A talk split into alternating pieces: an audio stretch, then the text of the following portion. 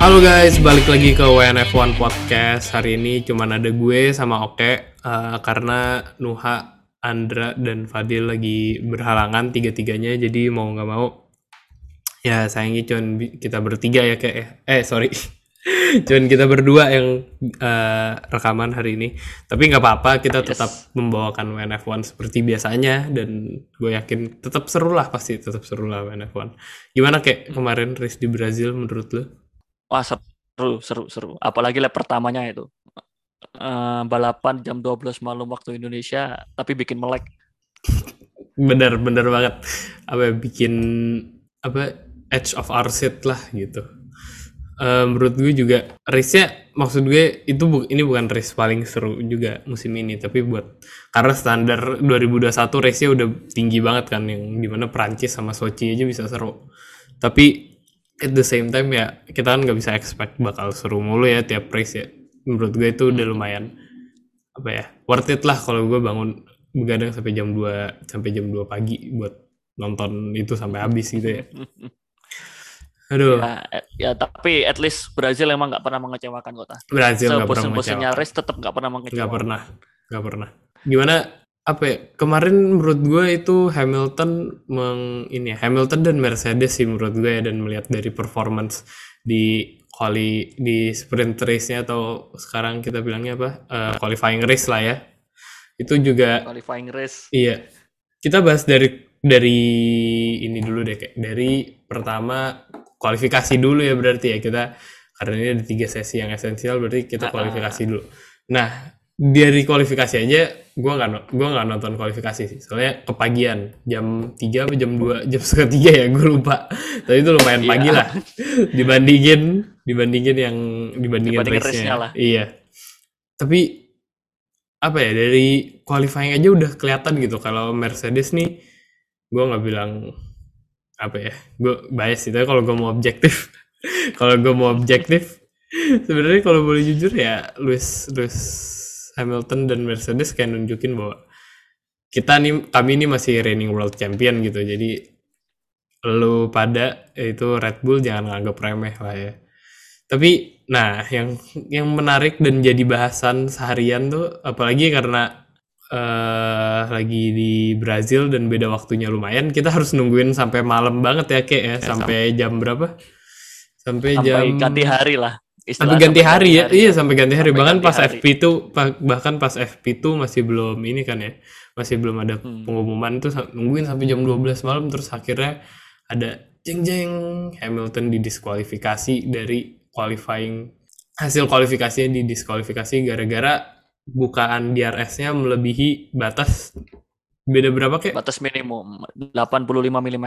80 mm cuman beda berapa Jadi buat- 0,2 ya cuman beda 0,2 mm 0,2. itu sinting sih cuman beda Jadi kalau 0,2 yang belum milimeter. tahu itu jadi di mobil F1 itu mulai tahun 2000 berapa ya? 2000 mulai era 2011 hybrid kalau nggak 2011 enggak 2011 ya, DRS 2011. DRS 2011 Ah, mulai dari mulai era 2011 itu di mobil F1 di bagian rear wing-nya itu eh, bagian flaps bagian atas. Jadi rear wing di dibagi menjadi dua bagian, yang flap atas sama flap bawah. Yang flap atasnya itu bisa dibuka eh, Hmm. menjadi sebar eh, buka terus dia bakal apa ya ninggalin lubang eh, bikin sebuah celah itu sebesar 85 mm yang membuat angin itu bisa lewat situ sehingga bisa meningkatkan kecepatan mobil. Sebenarnya DRS itu tujuannya bagus dibikin soalnya biar bikin mobil bisa nyalip karena kalau nggak pakai DRS kan mobil di belakang pasti kena dirty air yang lumayan Dirty air. gede. betul apalagi kalau beda ininya lumayan ya kalau beda Heeh, powernya lumayan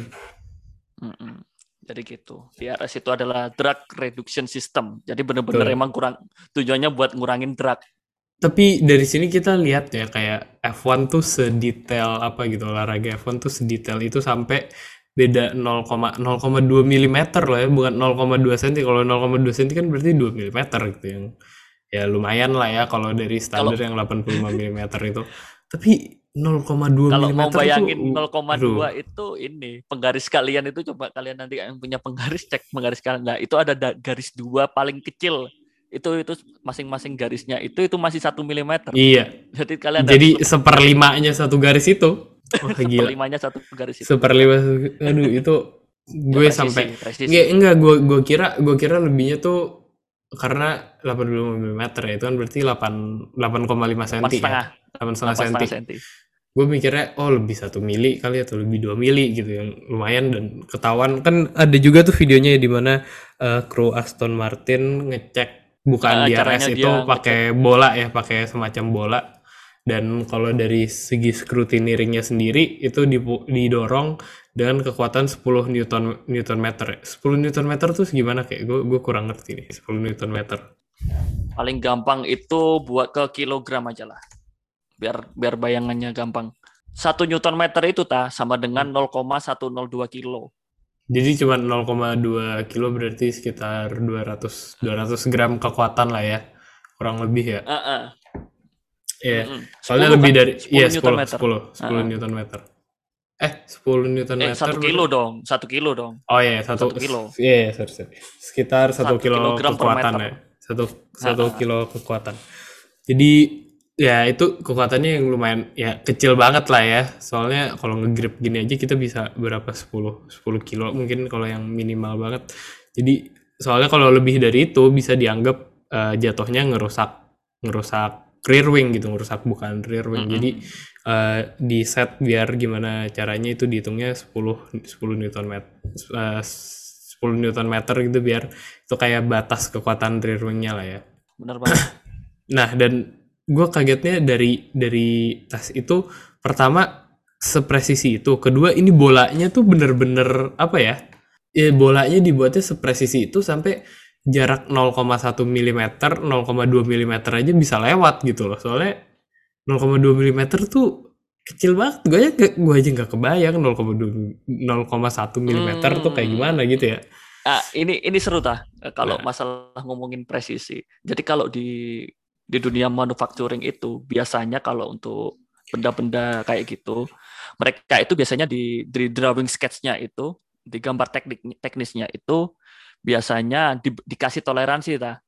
Toleransinya itu biasanya 0,0 bukan 0,1. Ini kan masih 0,1 ya. Biasanya 0,1 toleransi mm. mereka itu 0,0 0,0. 0,0 mm itu berarti di bawah milimeter apa kayak satuannya? Oh, Hmm, nggak pico ya, pikometer ya? Piko apa Bu. nano ya? Kata kalau nggak piko, ya Pico deh, nano. pico, pikometer. pikometer. Jadi gitu, jadi gitu tah. Jadi bener-bener sepresisi itu. Gua sih nggak terlalu ini ya, gua sih nggak terlalu kaget maksudnya eh, alat yang dibuat ngukur sesuatu benda yang benar-benar presisi, otomatis harus presisi. Tapi balik lagi sih, karena itu benda manufacturing jadinya emang harus seperti itu. Apalagi ini hubungannya sama aerodinamika kan. Beda satu milimeter pun kayaknya gayanya udah beda perhitungannya. Gue shock, bukan shock apa ya bahasa Tapi yang bikin gue kaget gini ta, kalau lo ngikutin beritanya itu, yang aneh, yang beda 0,2 mm itu di bagian tengahnya, bukan di bukan bukan keseluruhan, di bagian luarnya ya. Heeh, bukan di bagian pinggir-pinggir. Jadi kan Hmm, hmm. FIA kalau ngukur kan di di bolanya itu ya ditaruh di sebelah kiri, terus di Di ya, diarahin ke kanan aja diarahin ya, gitu. digeser-geser gitu lah ya.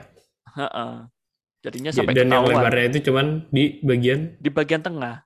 Bisa pertama yang bahkan dari Mercedesnya juga gue baca katanya mereka kaget gitu. Karena kok bisa satu bedanya cuma di tengah gitu loh. Dan mereka pun nggak niatin pengen bu- bikin bukaan 0,2 mm ini kan. Bukan mereka yang sengajain pengen nambah-nambahin bukaan gitu. Dan ya ternyata ketahuan dan ya nggak nggak ketahu eh sorry nggak eh, ke gap di scrutineering nah yang baru juga ini juga sempat terjadi perdebatan antara gue dan Andra di grup WA Eh, tentang tentang pas eh f- eh ya Verstappen pas abis qualifying kayak ngecek-ngecek gitu sayap belakangnya sayap belakangnya Mercedes gitu Iya. dan kena denda 50 ribu euro ya yang sekitar 700 Pos apa? Pos apa euro ya? euro euro 750 juta rupiah lah ya 50 ribu euro dan ya yang jadi kontroversial adalah selama ini Vettel juga sering kan tuh buka-buka eh bu, nggak buka-buka sih nendang-nendang megang-megang mobil lain gitu dan selama ini nggak selama ini nggak nggak kena ini ya nggak kena teguran apa-apa dari FIA. Menurut lu kenapa? Apa-apa Nggak kena apa-apa. Iya, di nggak ditegur nggak diapa-apain. Menurut lu gimana kayak? Kenapa. Verstappen kali ini eh, kena dan dalam tanda kutip ke gap, sedangkan Vettel udah bertahun-tahun kayaknya ya dia ngintip-ngintip, dia nendang-nendang ban, ngeliat-liat gitu-gitu kan dia nggak pernah nggak pernah kena apa-apa setahu gue. asal lo tahu ta, abis kalian debat itu kayak gue itu langsung Google eh kayak gue gue langsung lihat Vettel gitu gue bandingin sama Vettel gitu. Vettel itu mentoknya cuman mundurin ban doang. Hmm, itu pun kayaknya kalau di Mercedes nggak sampai gerak kalau di mau Iya. tinggal di mobilnya doang sampai gerak iya iya. Eh, benar. kalau Max sih sebenarnya ya gimana ya gue juga baru tahu ada aturan aturannya Pak Verme itu bener-bener nggak boleh dipegang disentuh gitu kecuali Mm-mm. oleh authorized kalau- ini ya, authorized masalahnya members. kan eh, eh, kalau kalau bilang masalah nggak dipegang kan gue masih inget banget waktu Hamilton juara dunia kan Vettel sempat ngampiri Hamilton masih duduk Hamilton kan hitungan juga megang megang mobil Hmm, kalau menurut gue kayak kenapa? megang mobil sambil nyalamin sambil nyalamin iya, gue iya. sebenarnya gini eh, itu menurut gue sih kebetulan aja kalau gue sih gitu Iya. kebetulan ada masalah di DRS Iya, dan Mercedes dan dan itu juga yang Max pegang gitu. juga. Iya, makanya Eh, eh. menurut gue menurut gue dipanggilnya justru bukan gara-gara nyentuh, tapi gara-gara ada kasus DRS-nya di Merc ini dan Verstappen kelihatan megang-megang gitu kan. Jadi iya Jadi ya, itu menurut sebenarnya kebetulan yang pas aja lah iya, pas aja gitu loh iya. atau memang Eh, apesnya Max gue Iya juga emang nggak- apesnya Max. Dan tapi menurut gue in hindsight misalnya Hamilton misalnya kejadian di RS ini nggak ada, menurut gue bakal tetap dipanggil. Kenapa? Karena yang dipegang itu adalah bagian rear wing, di mana itu kita, di mana driver-driver tuh nggak boleh ganti sama sekali kan. Rear wing kan nggak Mm-mm. boleh nggak boleh diganti setelah masuk park Fermi eh, rear wing suspension. Sedangkan Vettel selama ini, gue kayaknya tahu yang lu maksud dan itu seingat gue megang Halo doang deh, kayak nggak megang ya? ini. Iya megang Halo. Jadi Halo bukan movable, bukan part yang bisa di Movable parts Iya bukan movable parts. parts, sedangkan di RS kan bisa dibuka tutup satu itu. Dua Halo tidak bisa di setup, setahu gue cuma bisa ditambahin aerodynamic component di atasnya. Tapi Hmm. sedangkan di RS bisa bisa digerakin kan. Terus ketiga Vettel itu dorong ban gitu. dan ban ya bisa diganti-ganti gitu loh, nggak kayak eh, eh, dan ban juga itu kan spek ke semua ke semua semua tim ya bannya sama gitu jadi eh ya nggak apa-apa kalau dipegang-pegang gitu sedangkan kalau si Verstappen dia kan megang rear wing di mana tiap tim punya setupnya sendiri punya speknya Mm-mm. sendiri punya desainnya masing-masing gitu jadi menurut gue wajar aja kalau si Verstappen kena hukuman ini gitu loh walaupun mungkin ya 50.000 ribu euro ya nggak dikit tapi ya buat Verstappen yang kontraknya setahu gue belasan juta euro per tahun nggak nggak berasa lah kayaknya ya Hmm. ya mungkin segitu aja kali ya kalau dari sisi qualifying kualifikasi ya kualifikasi untuk sprint race nah buat kalau gue begadang gue gue bela-belain begadang nonton sprint race kayak gue sempet ketiduran di tengah-tengah tapi eh gridnya kan pas mulai itu Verstappen pertama 2 Bottas 3 Perez 4 Gasly 5 Sainz 6 Leclerc 7 Norris Mm-mm. 8 Danirik, 9 Alonso, 10 Ocon, 11 Vettel, 12 Tsunoda, Raikkonen, Giovinazzi, Lance Stroll 15, Latifi 16, 17 George Russell, 18 Mac, 19 Mhm. Mazepin dan Hamilton yang didiskualifikasi terpaksa mulai dari dari P20 Mhm. gitu ya. Nah pas mulai itu Iya. gue nggak tahu gimana dan gue nggak tahu kenapa Eh, kayaknya Verstappen juga sempat komplain deh bahwa gearboxnya itu kayak agak nge-lag mungkin ya bilangnya ya nge-lag ya Dan- Iya kayak mungkin gak responsif, gak iya nggak responsif. ya nggak responsif. Eh, dan ya akhirnya Bottas berhasil nyusul ya. Dan yang surprisingly bagus adalah Ferrari ya kayak Ferrari. Wah. kita perta- Ferrari dan Hamilton Wah, gak surprisingly bagus ya emang. Emang kita udah expect lah ya. Tapi Sainz bisa megang P3 dan itu iya dapat satu championship point kan ya pas Yes. eh, buat di eh, buat di championship pointnya untuk finish di P3 sprint race kan dapat tambahan satu poin jadi ya apa ya kita mulai lihat Ferrari improve mungkin Eh, gini, yang ditahan kan masalahnya Sergio Perez dan gue ingat sekali Perez itu belum pernah hoki kalau masalah eh belum pernah finish bagus selama sprint race kan. Jadi Iya, kalau hasil sprint race Hmm. kemarin itu kayaknya semua pembalap main aman ya. Ta. Jadi bukan yang nge-push banget ya karena mindsetnya adalah ya udah nggak apa-apa jelek nanti susul di race berikut race. di hari di hari Minggu ya. Ha-ha, itu. Menurut gua sih pembalap sekarang udah mulai apa ya udah mulai beradaptasi. Ngapain sih gua nge-push? Ya kalau menang dapat tiga poin dan kalau pas race juga belum tentu menang kan. Dan menurut gua tapi tapi, tapi tetap aja sih sense eh, impresif sih menurut gua.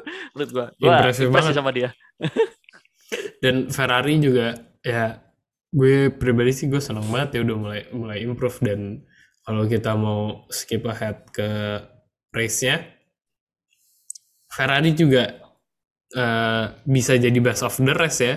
Ini kita udah mulai lihat settingan lama nih kayak udah Mercedes Red Bull Ferrari untuk top Mercedes 6 ya. Ferrari, ya, ak- ak- akhirnya lah akhirnya, akhirnya ya akhirnya bisa akhirnya. dengan settingan settingan lama ya kita sebagai tifosi tetap bahagia. Tapi ya menurut apa pun lu yang diraih Ferrari at least kalau secara grafik dibanding tahun lalu udah jauh. Oh, udah jauh. lah udah jauh improve jauh banget lah. Dan eh, menurut lu apa apa yang mem- mendorong Ferrari bisa naik lagi ke atas? Dan apalagi kalau kita bandingin Masih- ya pace-nya Heeh. McLaren ini kan bagus banget ya di awal-awal bisa Wah Norris konsisten udah Yoi, berapa race konsisten. berturut-turut konsisten finish point terus kan. sampai Tapi separuh musim iya sampai separuh musim, musim.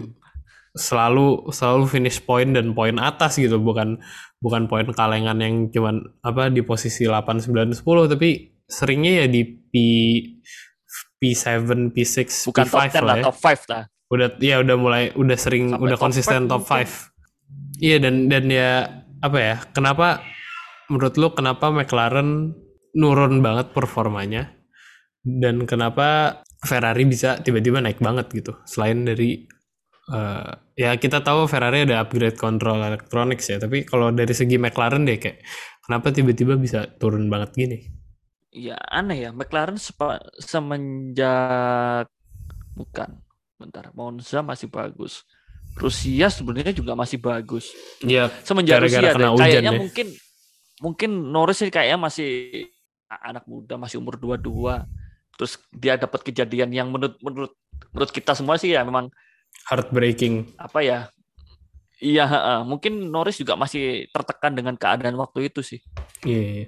dan gimana Apa? dia sebelumnya dia bisa finish one two di mana di, Di Monza Itali. sampai berakhir di Italia terus di Rusia kayak gitu menurut gua sih bukan masalah teknis ini lebih ke non teknis sih kalau menurut gua Iya di ke moral di timnya ya mungkin lagi agak agak down juga. Karena ya Pasti, first pasti, win pasti, first win di depan mata itu cuman masalah judgment call sebenarnya kan jatuhnya cuman antara Ah. Lando Lando mau Lando mau pit atau enggak gitu. Dan gue nggak mau nggak mau nyalah nyalahin tapi menurut gue komunikasi dan experience-nya kelihatan banget siapa yang udah lebih berexperience di depan dan dihadapin posisi kayak gitu antara Lewis sama Bono dibandingin sama Will Joseph sama Lando Norris gitu. Jadi Lando Norris. Iya jadi mungkin masih agak down. Belum belum belum belum belum. Belum comeback lagi bisa dibilang ya karena habis di Italia itu. Tapi gue juga pengennya gue gue pengen gak pengen sih sebenarnya lihat McLaren di depan lagi gara-gara saingannya Ferrari ya. Tapi at the same time kalau Ferrari turun lebih bawah kalau posisinya di P4 kan lumayan tuh wind tunnel kan lebih banyak waktunya nanti ya. Jadi ya. Tapi Ya. semenjak semenjak Rusia itu Ferrari terus naik loh. Terus dari, iya dari upgrade semenjak control electronics kayaknya ya. Ah kalau itu memang udah ini udah kelihatan kelihatan banget kok. Upgrade kontrol elektronik itu pas setelah Turki ya? Apa sebelum Turki ya? eh, control electronics tuh di di ini di Rusia. di Rusia ya? Iya, yang Leclerc Leclerc ngambil ini kan ngambil penalti. Kan di di Rusia. Jadi dia harus harus mulai dari belakang kan. Dan ya iya konsisten eh, finish point terus. Dan poinnya juga bukan yang tadi gue bilang bukan poin bukan poin kaleng-kaleng gitu loh. Benar-benar di P5 P6 P4 dan dan asal lo tahu di sebenarnya plus poinnya Ferrari dan daripada McLaren adalah Ferrari ini finishnya selalu berdekatan. Sainz Leclerc itu selalu nempel ya gitu, nempel, kayak, nempel. terus nempel. ya. Uh, bener lima enam tujuh delapan. Menurut gue itu lebih efektif daripada Norris sama Ricciardo yang satu Norris di atas Ricciardo iya dan dapat poin. Untuk untuk gua, untuk konstruktornya ya. Ya they fight for the team lah. They fight iya betul dan dan kelihatan juga ini mungkin agak agak OT dikit dari Brazil. Tapi menurut gue Ferrari itu kelihatan banget kerjasama ya pas kemarin di Meksiko gitu. Gimana uh, si Leclerc tetap mau balikin posisi setelah dia nggak bisa ngejar Gasly ya kalau nggak salah ya di Meksiko. Uh, iya, makanya yeah. gue kayak nggak gue kayak nggak peduli gitu. Maksudnya biar apa namanya biar yang di depan Ferrari itu siapa. Yang penting Sainz sama Leclerc ini itu fight for the team. Mereka yeah, itu iya, benar-benar nggak ada ego masing-masing. Iya. Yeah. we're rooting for Ferrari, the team ya not the driver. Iya iya uh, nyatanya kan sekarang poin konstruktor juga lebih tinggi. Naik Ferrari posisi tiga. Nyalip McLaren pada akhirnya. Menurut gua sekarang kalau kalau kalau realistis ya itu adalah hal yang paling penting buat Ferrari sekarang sih. Dan menurut gua Sainz itu sebenarnya udah udah sesu, hampir sesuai ekspektasi lah dia kalau boleh boleh dibilang itu sukses loh iya. maksudnya iya. dibanding di McLaren musim iya. terakhirnya di McLaren karena karena gue ekspektasinya Sainz di sini no offense ya gue ngomong gini tapi gue gue nganggapnya dia mungkin ya sekedar seat filler buat Mick gitu loh karena ekspektasinya dan ya emang Mick sebenarnya bukan yang bisa langsung masuk satu series terus langsung bagus ya tapi uh, dengan nama yang dia bawa kayak dan dia sebagai anak uh, anak akademi Ferrari juga gitu loh. Jadi gue gue kira Ferrari mungkin bakal dalam tanda kutip nggak nggak sabaran kayak Red Bull mungkin ya kalau soal mic. Tapi ternyata science is proving his worth gitu loh. Dan ya kelihatan juga dari dia udah mengoleksi beberapa podium ya di di musim ini. Jadi yes benar banget. ini bakal dilema banget buat Ferrari apakah mau mengangkat Max Schumacher atau tetap well mungkin nggak untuk musim 2022 ya mungkin untuk 2003 atau 2024 tapi ini bakal jadi sesuatu yang Ferrari harus consider dan pikir pikirin matang-matang gitu loh dan ya Bener apalagi Sainz juga dengan performa kayak gini pasti bakal diincar tim lain jadi Ferrari gue yakin untuk 2003 2024 nih mereka harus mikirin matang-matang apakah mau ngambil Sainz eh sorry mau ngambil Schumacher atau ngambil Sainz gitu. Bener banget. Ya ini it's good step lah buat Ferrari lah setelah bangkit dari terpurukan. Oke, okay. selain Ferrari yang menurut gue bagus, uh, kemarin bukan kemarin doang ya dua race terakhir ini lah bisa dibilang menurut gue Gasly juga kita di midfield dulu ya Pierre Gasly ini lagi bagus banget menurut gue dari konsisten skor well di di di Meksiko belum sih tapi di eh sorry di US di US nggak nyetak skor. Tapi di Meksiko dan Brazil ini dia so far bagus banget. Di Brazil finish P7 dan Meksiko. dan di Meksiko finish P4 apakah menurut lu Gasly kalau kita bandingin sama Sunoda ya? Walaupun ya Sunoda masih di tahun ke tahun pertama ya tahun pertama. ya. Uh, sedangkan ya Sunoda masih rookie. Jadi ya mungkin pengalamannya jauh lebih dikit tapi apakah menurut lo ini Gasly yang outperforming Toro eh sorry Alpha Taurinya atau Sunoda yang underperforming sebelumnya itu gue tuh berapa kali tuh kayak menyadari ini Gasly kayak out of nowhere itu nyelip di P5. Iya. Kan iya, kayak iya, kayak iya, bisa iya. kayak P1 sampai P4 itu udah buat udah milik Red Bull dan Mercedes Red, Red Bull dan uh, Mercedes ya. Mercedes. Dan kita itu kan Ferrari itu pasti keselip di 67, soalnya keselip hmm. 5 itu di Gasly. Nah, gue yang... sih Gasly ini bener-bener udah ngeluarin kayak mentokin potensi si Alfa Tauri sih. Iya, yeah, yeah.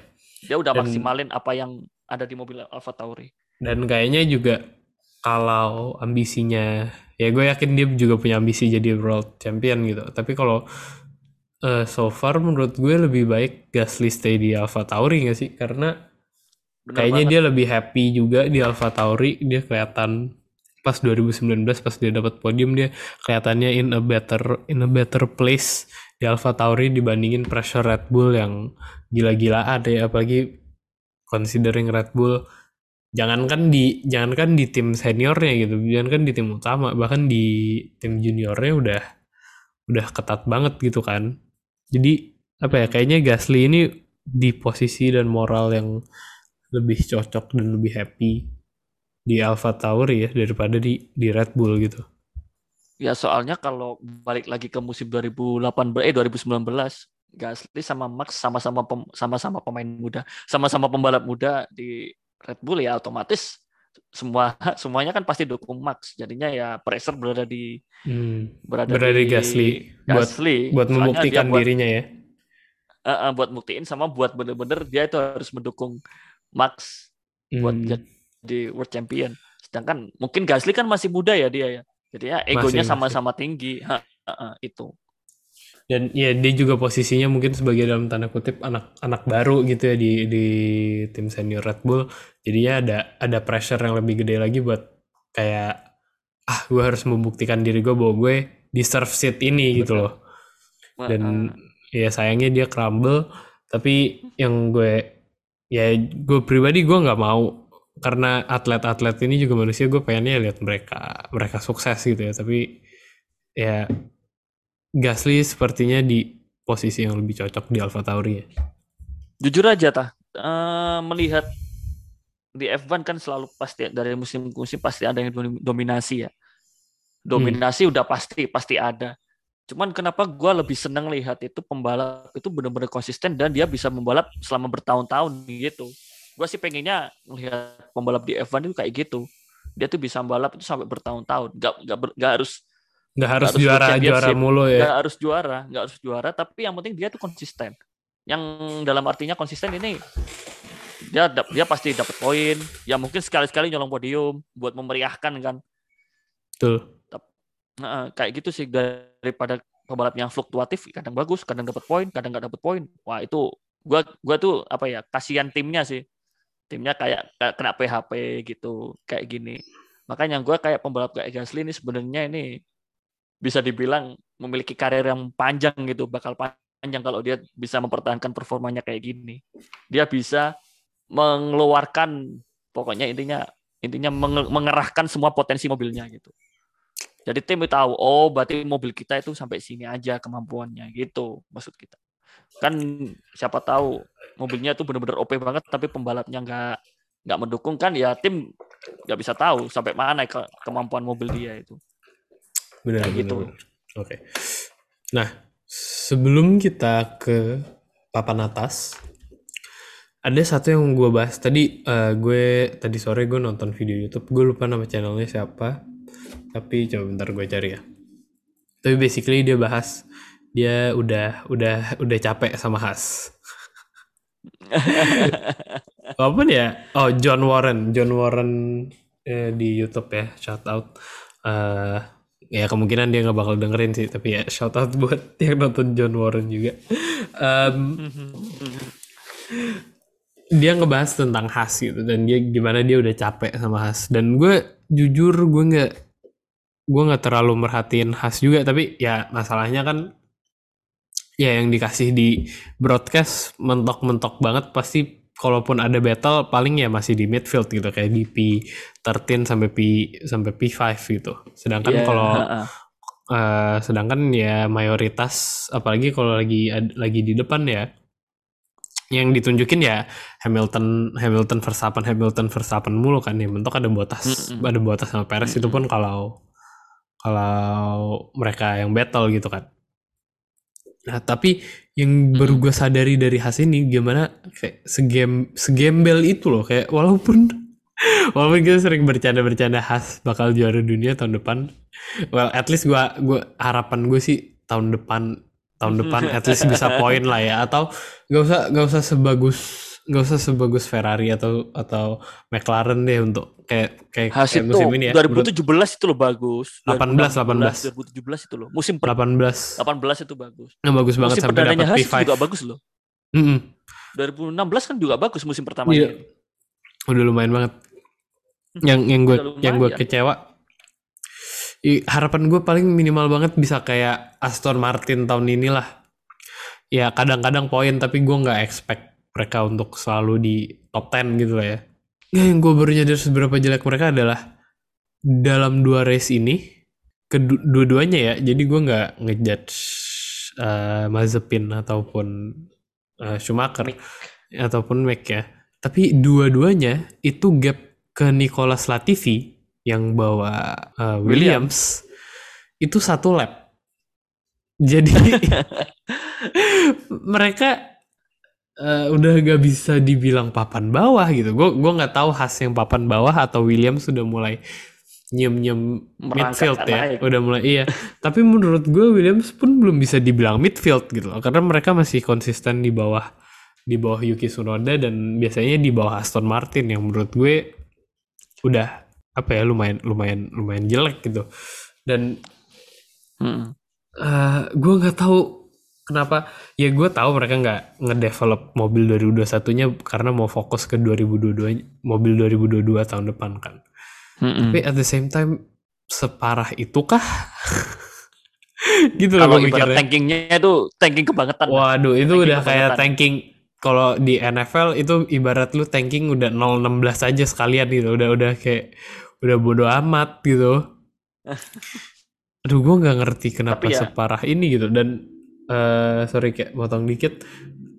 Waktunya Mazepin di pas kualifikasi di eh di Meksiko kemarin bukan pas di Brazil itu waktunya 105% dan kalau dia lebih lambat 0,5 detik aja itu udah 107 yang ngelanggar aturan gimana? Kalau saat kalau dia nggak lewat 107 itu ya mereka eh, Mazepin nggak bakal boleh ikut ikut race gitu jadi Good race. Iya, itu separah itu gitu loh. Gue, ya gue tahu mungkin mobilnya nggak bagus, tapi kayak ya Allah. Dan menurut gue, nih menurut gue ya kayak keputusan mereka untuk nggak ngambil dan ini ya sayangnya resiko sebagai dalam tanda kutip tim miskin ya. Lu di pressure dari dua pihak gitu. Pertama, eh, menurut gue alasan kenapa mereka ngambil Mazepin sama Mick yang dua-duanya rookie buat tahun ini ya. Pertama, pressure dari pressure finansial dari kebutuhan sponsor gitu. Kita nggak usah kayak so apa ya polos atau naif ya. Ya jelas ini khas emang ngambil Mazepin karena alasan duit gitu. Kalau soal skill gue yakin Callum Islet juga bisa dimasukin sebenarnya ke situ. Dia runner up tahun lalu. Tapi Mazepin yang finish P3 di F2 tuh bagus tapi kita bisa lihat jelas ya skillnya nggak nggak sebagus Mick gitu dan ya emang kalau kita jujur-jujuran ya Mazepin diambil karena karena duit gitu loh dan itu jadinya pressure dari segi finansial buat tim khasnya gitu Eh, sebentar, sebentar. Iya, Eh, Dra. oh. eh, Dra, siapa tah?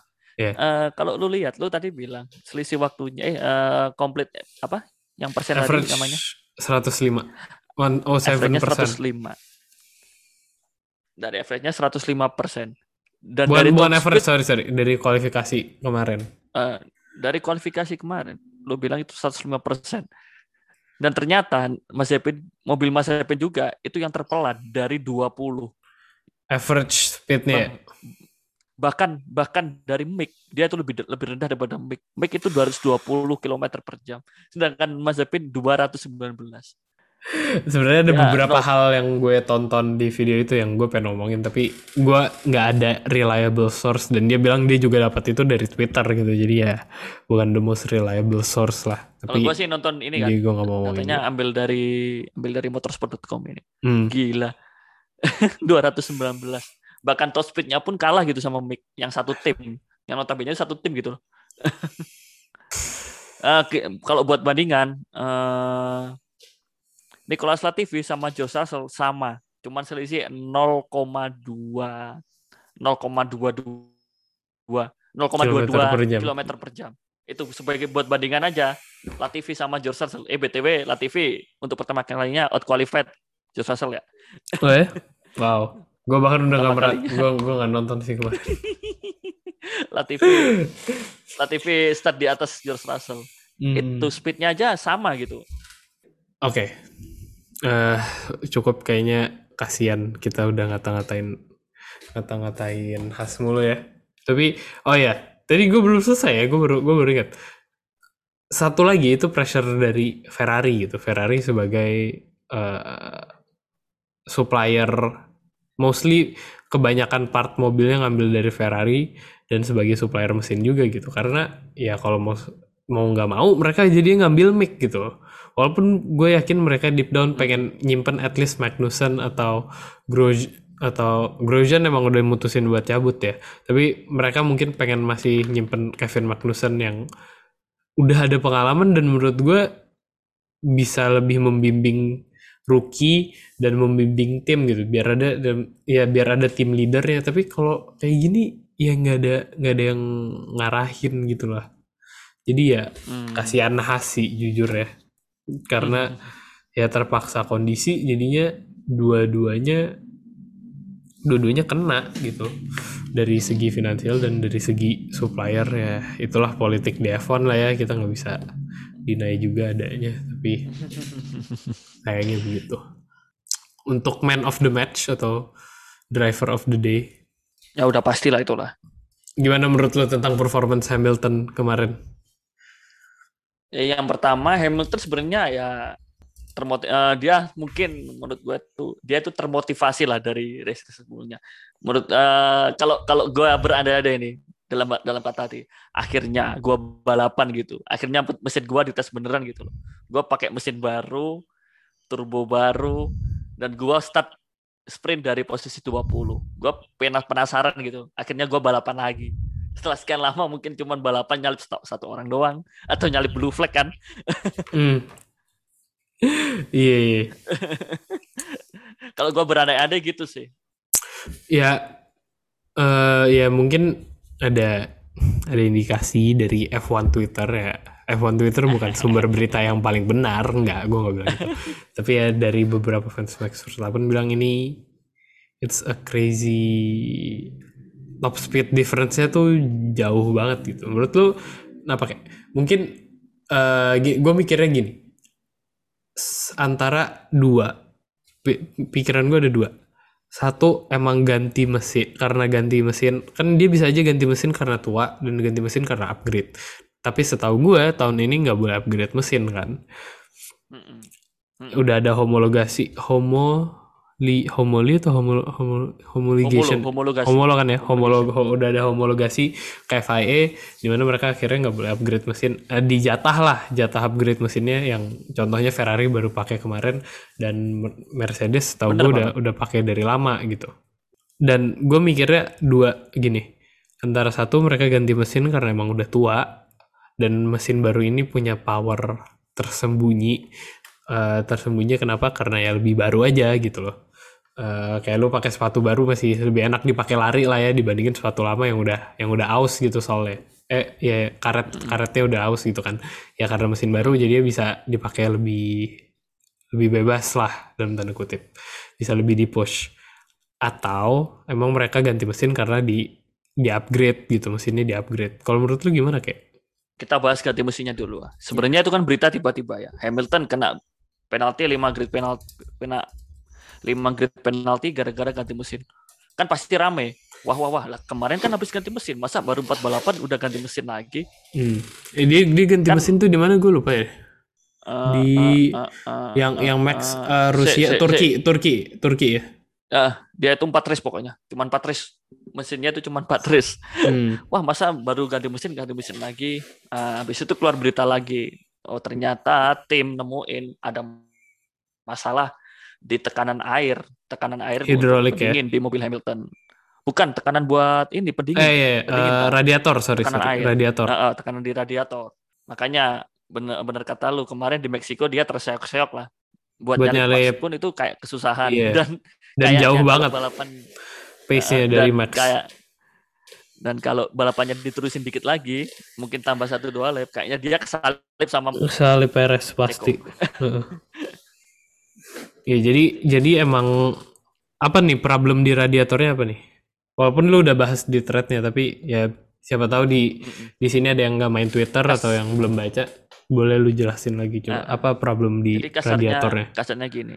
Kalau di mobil kan ada eh, mobil kan menghasilin panas ya, soalnya di dalamnya ada pembakaran, reaksi pembakaran. Jadi untuk men- untuk menjaga suhunya itu biar tetap optimal eh, apa namanya? Cara kerjanya agar tetap optimal, maka harus dibutuhkan pendingin. Didinginin mulu Pendingin lah. itu pendinginan. Pendinginan itu berasal dari air berasal dari radiator. Di dalam di dalam radiator itu ada air yang diberi tekanan dan tekanannya itu harus dijaga yaitu sebanyak 25 2,5 bar. 2,5 bar. bar tuh satuan tekanan lah ya. Satuan tekanan Iya. 2,5 bar. Kenapa kok tekanannya 2,5 bar? Hmm. Eh, karena di mobil F1 kan mobilnya kan didesain se- se- sedemikian rupa kayak gitu sehingga banyak sekali parts-parts yang harus menyesuaikan bentuk mobilnya kan. Hmm. Nah, salah satunya ya radiator ini. Radiator yang digunakan di mobil F1 itu kecil banget. Ya kayak di Hmm. mobil kita yang segede gaban lah kalau kalian yang pernah lihat radiator mobil kalian.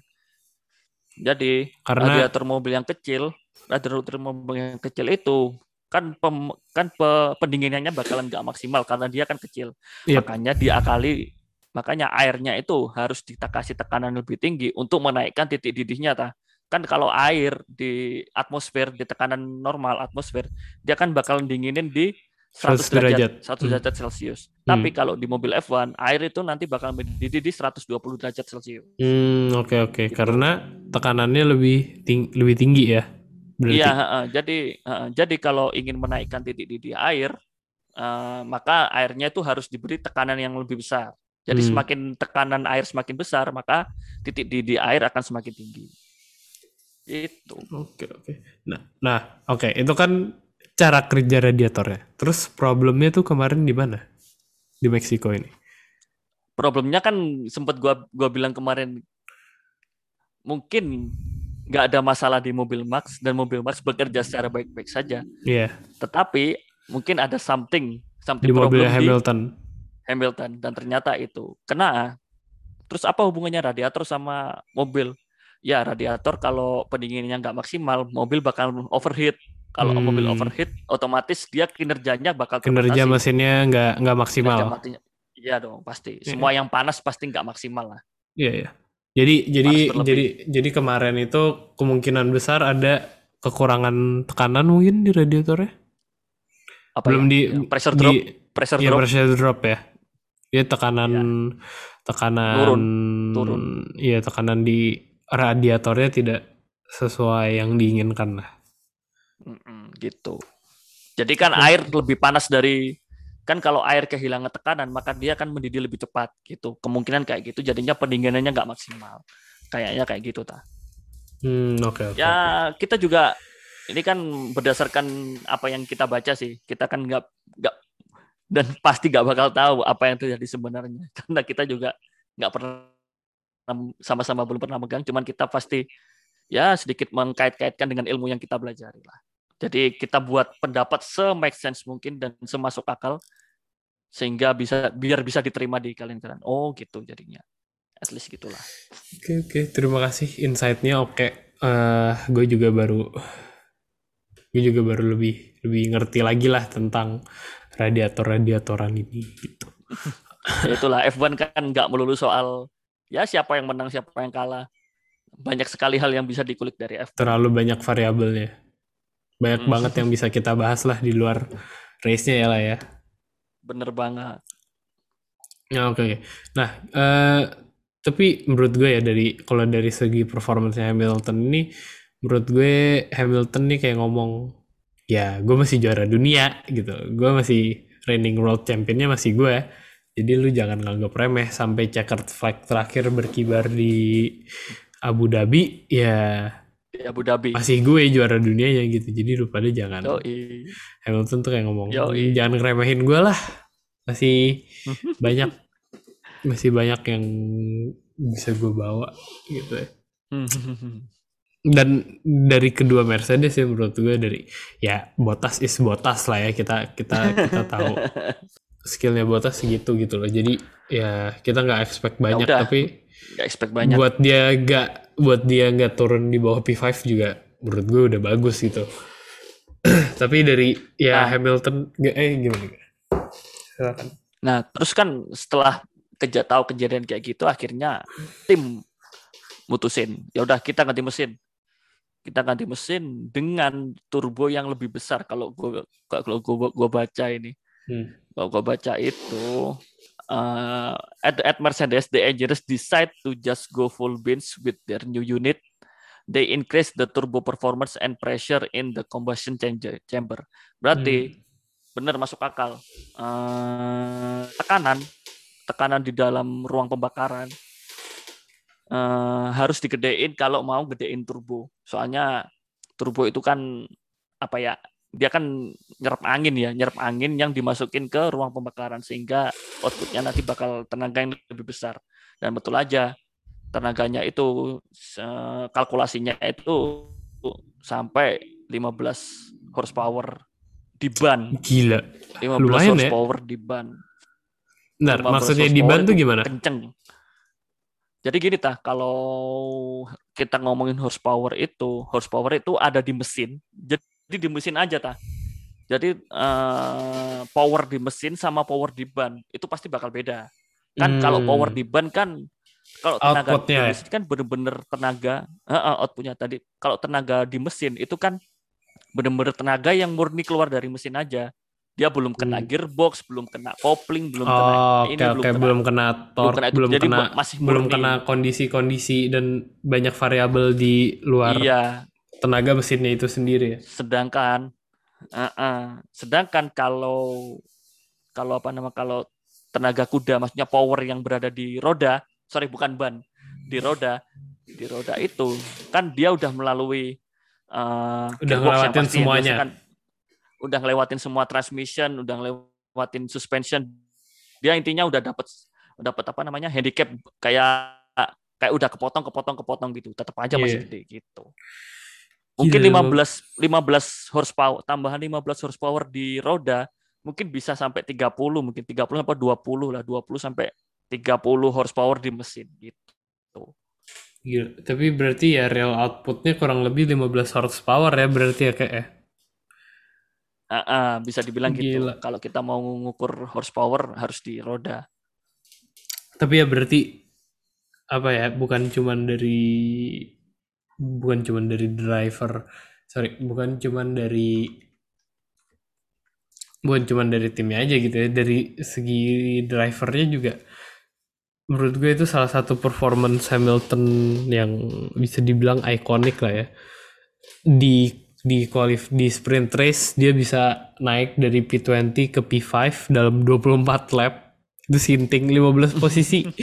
15 posisi dalam 24 lap itu itu gila banget menurut gue dan ya Itu gila. Semua juga bilang gila.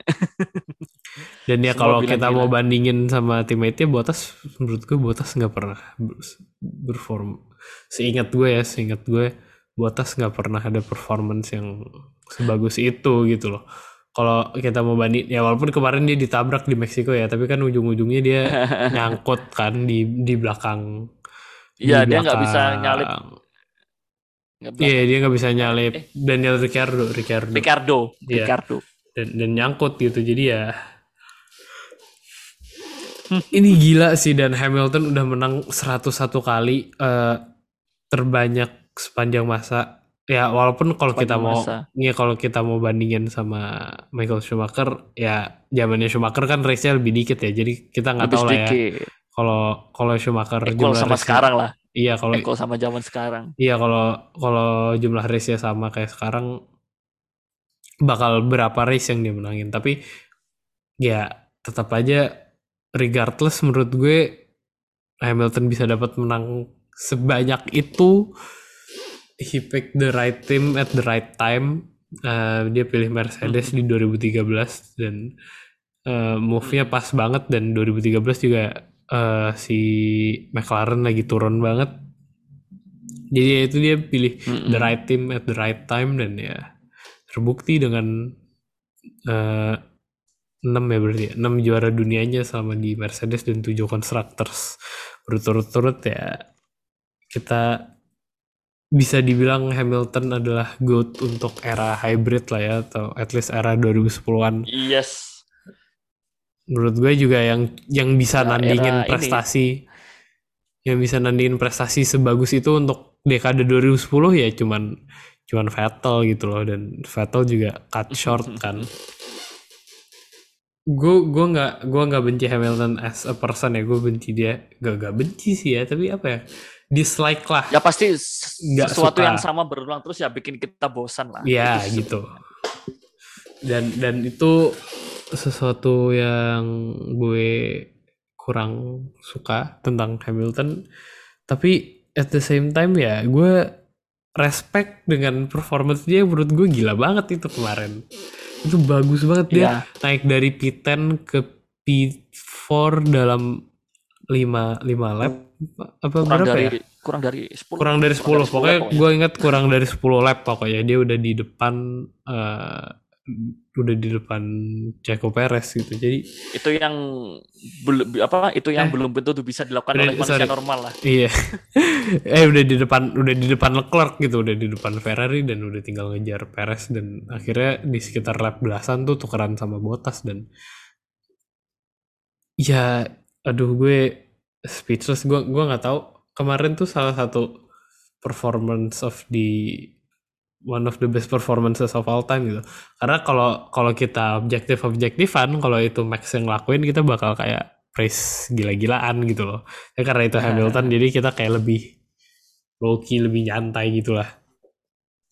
Tapi ya itu salah satu one of the best performances dan kayaknya ini up there sama Senna pas dia naik dari P5 ke P1 ya dalam well itu Senna naik P5 ke P1 dalam satu lap tapi menurut gue ini juga sama bagusnya dia dari naik dari P10 ke P4 dalam di bawah 10 Ya, lap intinya- jadi Intinya waktu itu juga em, maksudnya persamaannya sih sama-sama mereka mas pa- pakai mobil paling dominan di zamannya. Senna waktu itu mobil McLaren nggak ada nggak ada lawannya.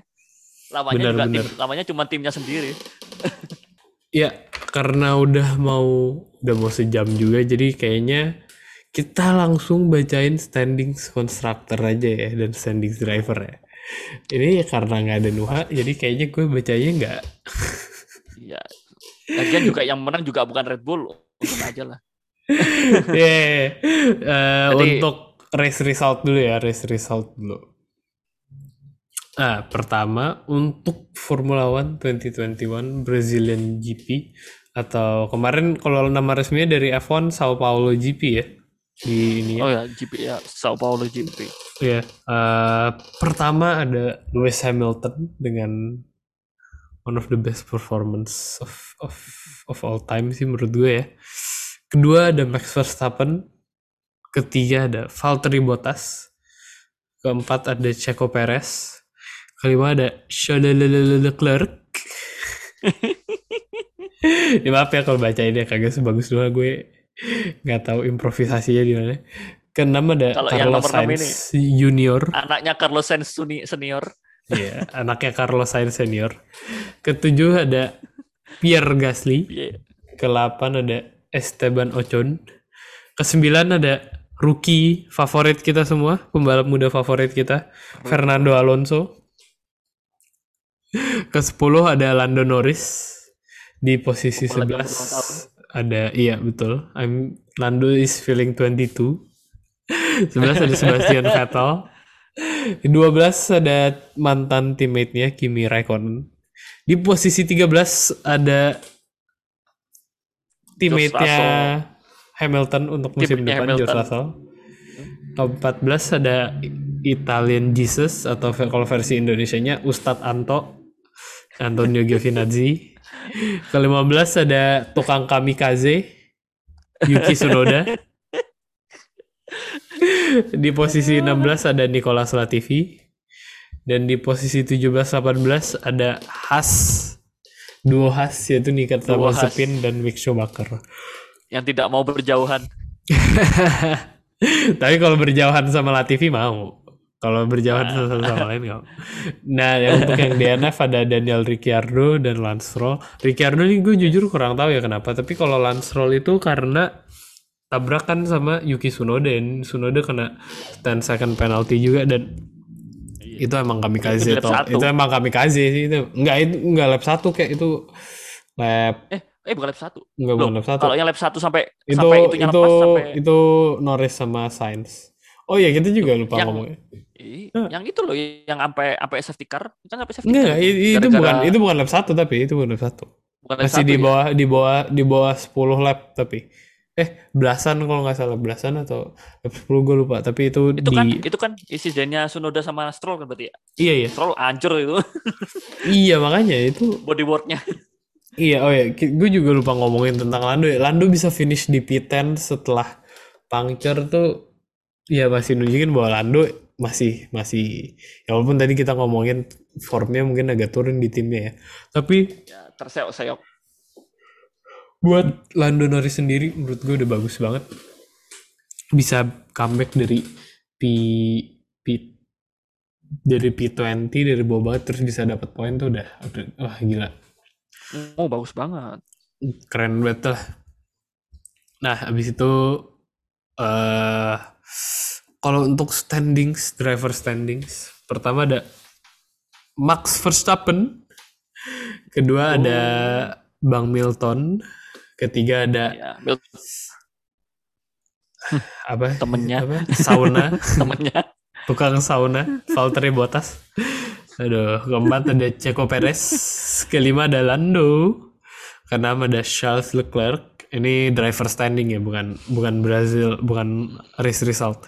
Tujuh ada Carlos Sainz, Hmm, ke-8 ada yang dulu digantiin Carlos Sainz, Daniel Ricciardo. Posisi Daniel 9 Ricciardo. ada Pierre Gasly. Posisi 10 ada yang seperti tadi pembalap muda favorit kita ya Fernando Alonso. Yo, 11 ada Esteban Ocon, 12 ada Sebastian eh tadi gue bilang Se- Sebastian apa Esteban Ocon? Esteban Ocon kan bener ya? Esteban Ocon udah Esteban Ocon ya? Ocon udah bener 12 Sebastian. Vettel. gue gak pernah baca ini agak agak agak nervous gue.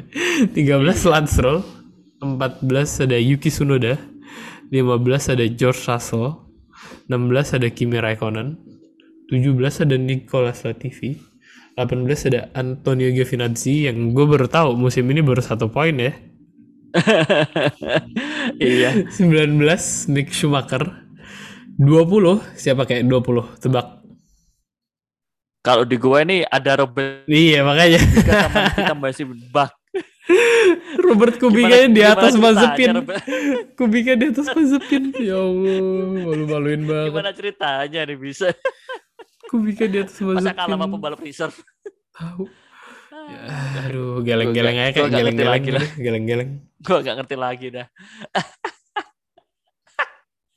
lu kalah sama pembalap reserve Untuk tim standingnya ada Mercedes memimpin Red Bull dengan perbedaan 11 poin. Eh, padahal Red Bull kemarin udah motong jauhin 22 poin, udah beda satu poin doang kemarin. Tapi sayangnya karena Red Bull performance-nya turun jadi kehilangan 10 poin. Ferrari dan 287,5 poin. Ferrari ini dalam dua race dalam eh, empat race terakhir itu gain eh, 10 4 17 14 31 gain 49 poin dari McLaren. Gila. Keempat ada McLaren dengan 256 poin. eh tah Nah, gua baru ngeh ya. McLaren dua race terakhir cuma dapat satu poin Iya, Con, ya dua Wah, totalnya ya. Tapi masing-masing race poin satu poin ya. masih ada satu poin Nah ini juga kita patut perhatikan nih untuk tiga race terakhir ada Alpine dan Alfa Tauri. Sekarang poinnya seri di 112. Hmm. Ini midfield juga banyak nih yang seru. Aston Martin dengan 68 poin. Di posisi 8 ada Williams dengan 23 poin. Alfa Romeo dengan 11 poin. Dan di posisi terakhir ya udah tau lah ya siapa. ya ya udahlah siapa lah Adalah itulah itulah yang Ya udahlah. krisis identitas. Nggak jelas Rusia apa udahlah. Amerika. nah sebelum kita tutup nih kayak gue ada satu yang mau dibahas. Ternyata kemarin kemarin ada rumor ya bahwa em, Senin hari Senin Hmm. minggu lalu ya bahwa ternyata katanya McLaren udah dibeli sama Audi. oh Udah di take over. ya ya ya, ya.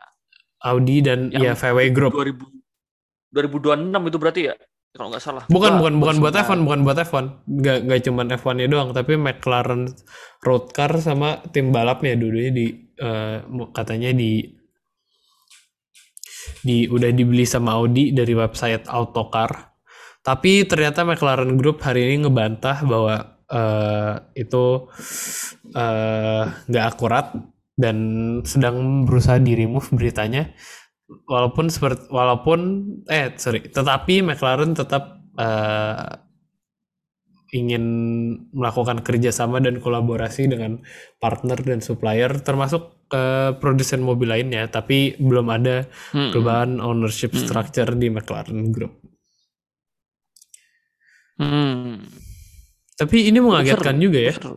Kalau kalau Iya, beneran lumayan. kejadian kayak eh sorry rumor Audi mau masuk F1 ini berarti ya mungkin nggak ada tim baru ya berarti kalau beneran kejadian gitu nggak ada tim baru gitu McLaren tetap jadi bagian karena udah dibeli Audi ya Banyak. Audi jadi rebranding jadi Audi gitu ya. Ha-ha. Atau ini yang sebenarnya lagi kenceng lagi semangat semangat yang rintis kan ini Porsche. Porsche juga sama. Rumornya Porsche sih juga- VW Group pengen masuk F1 kan dan uh, salah satu demand mereka adalah MGUH dihilangin dan pindah ke V4. V4-nya nggak dikabulin tapi MGUH-nya di, udah dibuang kan karena MGUH itu katanya terlalu mahal untuk di develop. dan terlalu ya terlalu mahal. Iya dan itu juga yang ngedam yang ngedamper suara ini kan suara mesin jadi uh, emang untuk estetika dan biaya F1 memutuskan untuk remove ini. Tapi ya rumornya sih kalau dari VW Group yang gue sempat baca-baca adalah uh, Porsche mau kerjasama sama ini. Porsche mau kerjasama sama Red Bull di sisi powertrain gitu. Jadi Porsche mungkin uh, mesinnya tetap di factory-nya Red Bull, powertrain department-nya Red Bull, tapi at the same time tet- uh, mungkin dengan brand Porsche ya namanya, bukan bukan mesin Red Bull gitu bilangnya. Soalnya kan Red Bull nanti udah sendiri kan Red Bull Iya Powertrain. udah gitu iya Red. Bull Powertrain tapi mungkin kalau kerja sama sama Porsche mungkin ada Red Bull Porsche Red Bull Strip Porsche mesinnya kita nggak tahu Tergantung tapi tergantung dealnya gimana. iya tergantung dealnya gimana kerjasamanya ya complicated lah ya Complicated ya. iya tapi eh, di sini juga Audi eh, katanya sih yang dirumorkan adalah buat VW Group adalah Audi masuknya bareng McLaren atau Porsche kerjasama sama Red Bull. Dan katanya CEO-nya Audi, Markus Duesman, yang pernah kerja di F1 juga di Mercedes dan BMW, pengen banget eh, Audi ini masuk ke F1. Ya gue sih harapannya untuk eh, meramaikan kompetisi, ya gue sih pengen banget sih Audi masuk ke F1. Kalau gimana kayak? Audi Ya, dan VW Group sih. lah. Ya nggak apa-apa sih. Kan dulu salah satu grupnya kan juga udah pernah di F1 kan. BMW kan juga sebenarnya under VW Group. Betul. Kalau yang itu kalau yang belum tahu BMW juga dulu kan udah pernah ke F1. Ya why not lah. Sebenarnya makin banyak kompetitor di F1 sih sebenarnya makin bagus ya. Makin bagus lah daripada 20-20 mulu, dua-dua lah sekali. Dengan segala kompleksitas yang ada sebenarnya gua sangat mendukung kalau ada tim apa pun yang ingin Betul. masuk ke F1 itu. Ya apalagi karena ini tim gede, pasti gue yakin budgetnya budgetnya gede dan ya bisa mengacak-acak papan tengah, siapa tahu. Nah, iya kalau Eh, papan papan atas tengah. kayaknya jauh lah. Ya, ya mungkin papan tengah papan tengah terus nanti lama-lama papan atas lah ya. Ya, Ya, kita nggak bakal ya. expect langsung bagus, tapi kenapa enggak? Why not? Betul betul. Ya mungkin segitu aja ya untuk hari ini ya. Ya makasih Yuk, banget yuk, udah yuk, dengerin semuanya. eh jangan lupa untuk follow sosial media WNF1 di Twitter, Instagram, dan TikTok.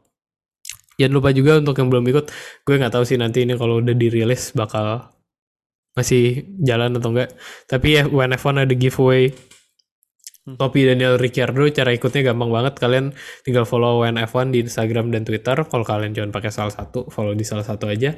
Terus komen di komen di postingan eh, Instagram WNF1 atau reply di tweetnya yang tentang giveaway itu eh, tentang eh, Episode favorit episode kali ya. favorit WNF1 episode Dan fa- kenapa kalian suka WNF1 itu? favorit kalian dan kenapa? Terus tinggal tag dua teman kalian. Dan pakai hashtag WNF WNF satu tahun. Nah eh Gampang kan? gampang banget dan topi juga bagus. Bagus banget. Oh, bagus. dan ini limited edition tapi Daniel Ricciardo di New Era. Jadi kalau kalian pengen ikut tinggal ke Twitter dan eh, Instagram main F1 Itu meskipun kalian nggak ngefans Daniel Ricciardo, kalian juga pasti pengen Iya lumayan lah. Dapat topi Danny Rek bisa pakai buat jalan-jalan. Walaupun kalian gak suka Daniel Ricciardo juga ya nggak apa-apa lah lumayan. Merchandise gratis nih kasih ya kan kayak ya? Yo, bener banget. betul betul. Ya udah gitu aja untuk hari ini. Eh, see you on the next episode. Bye guys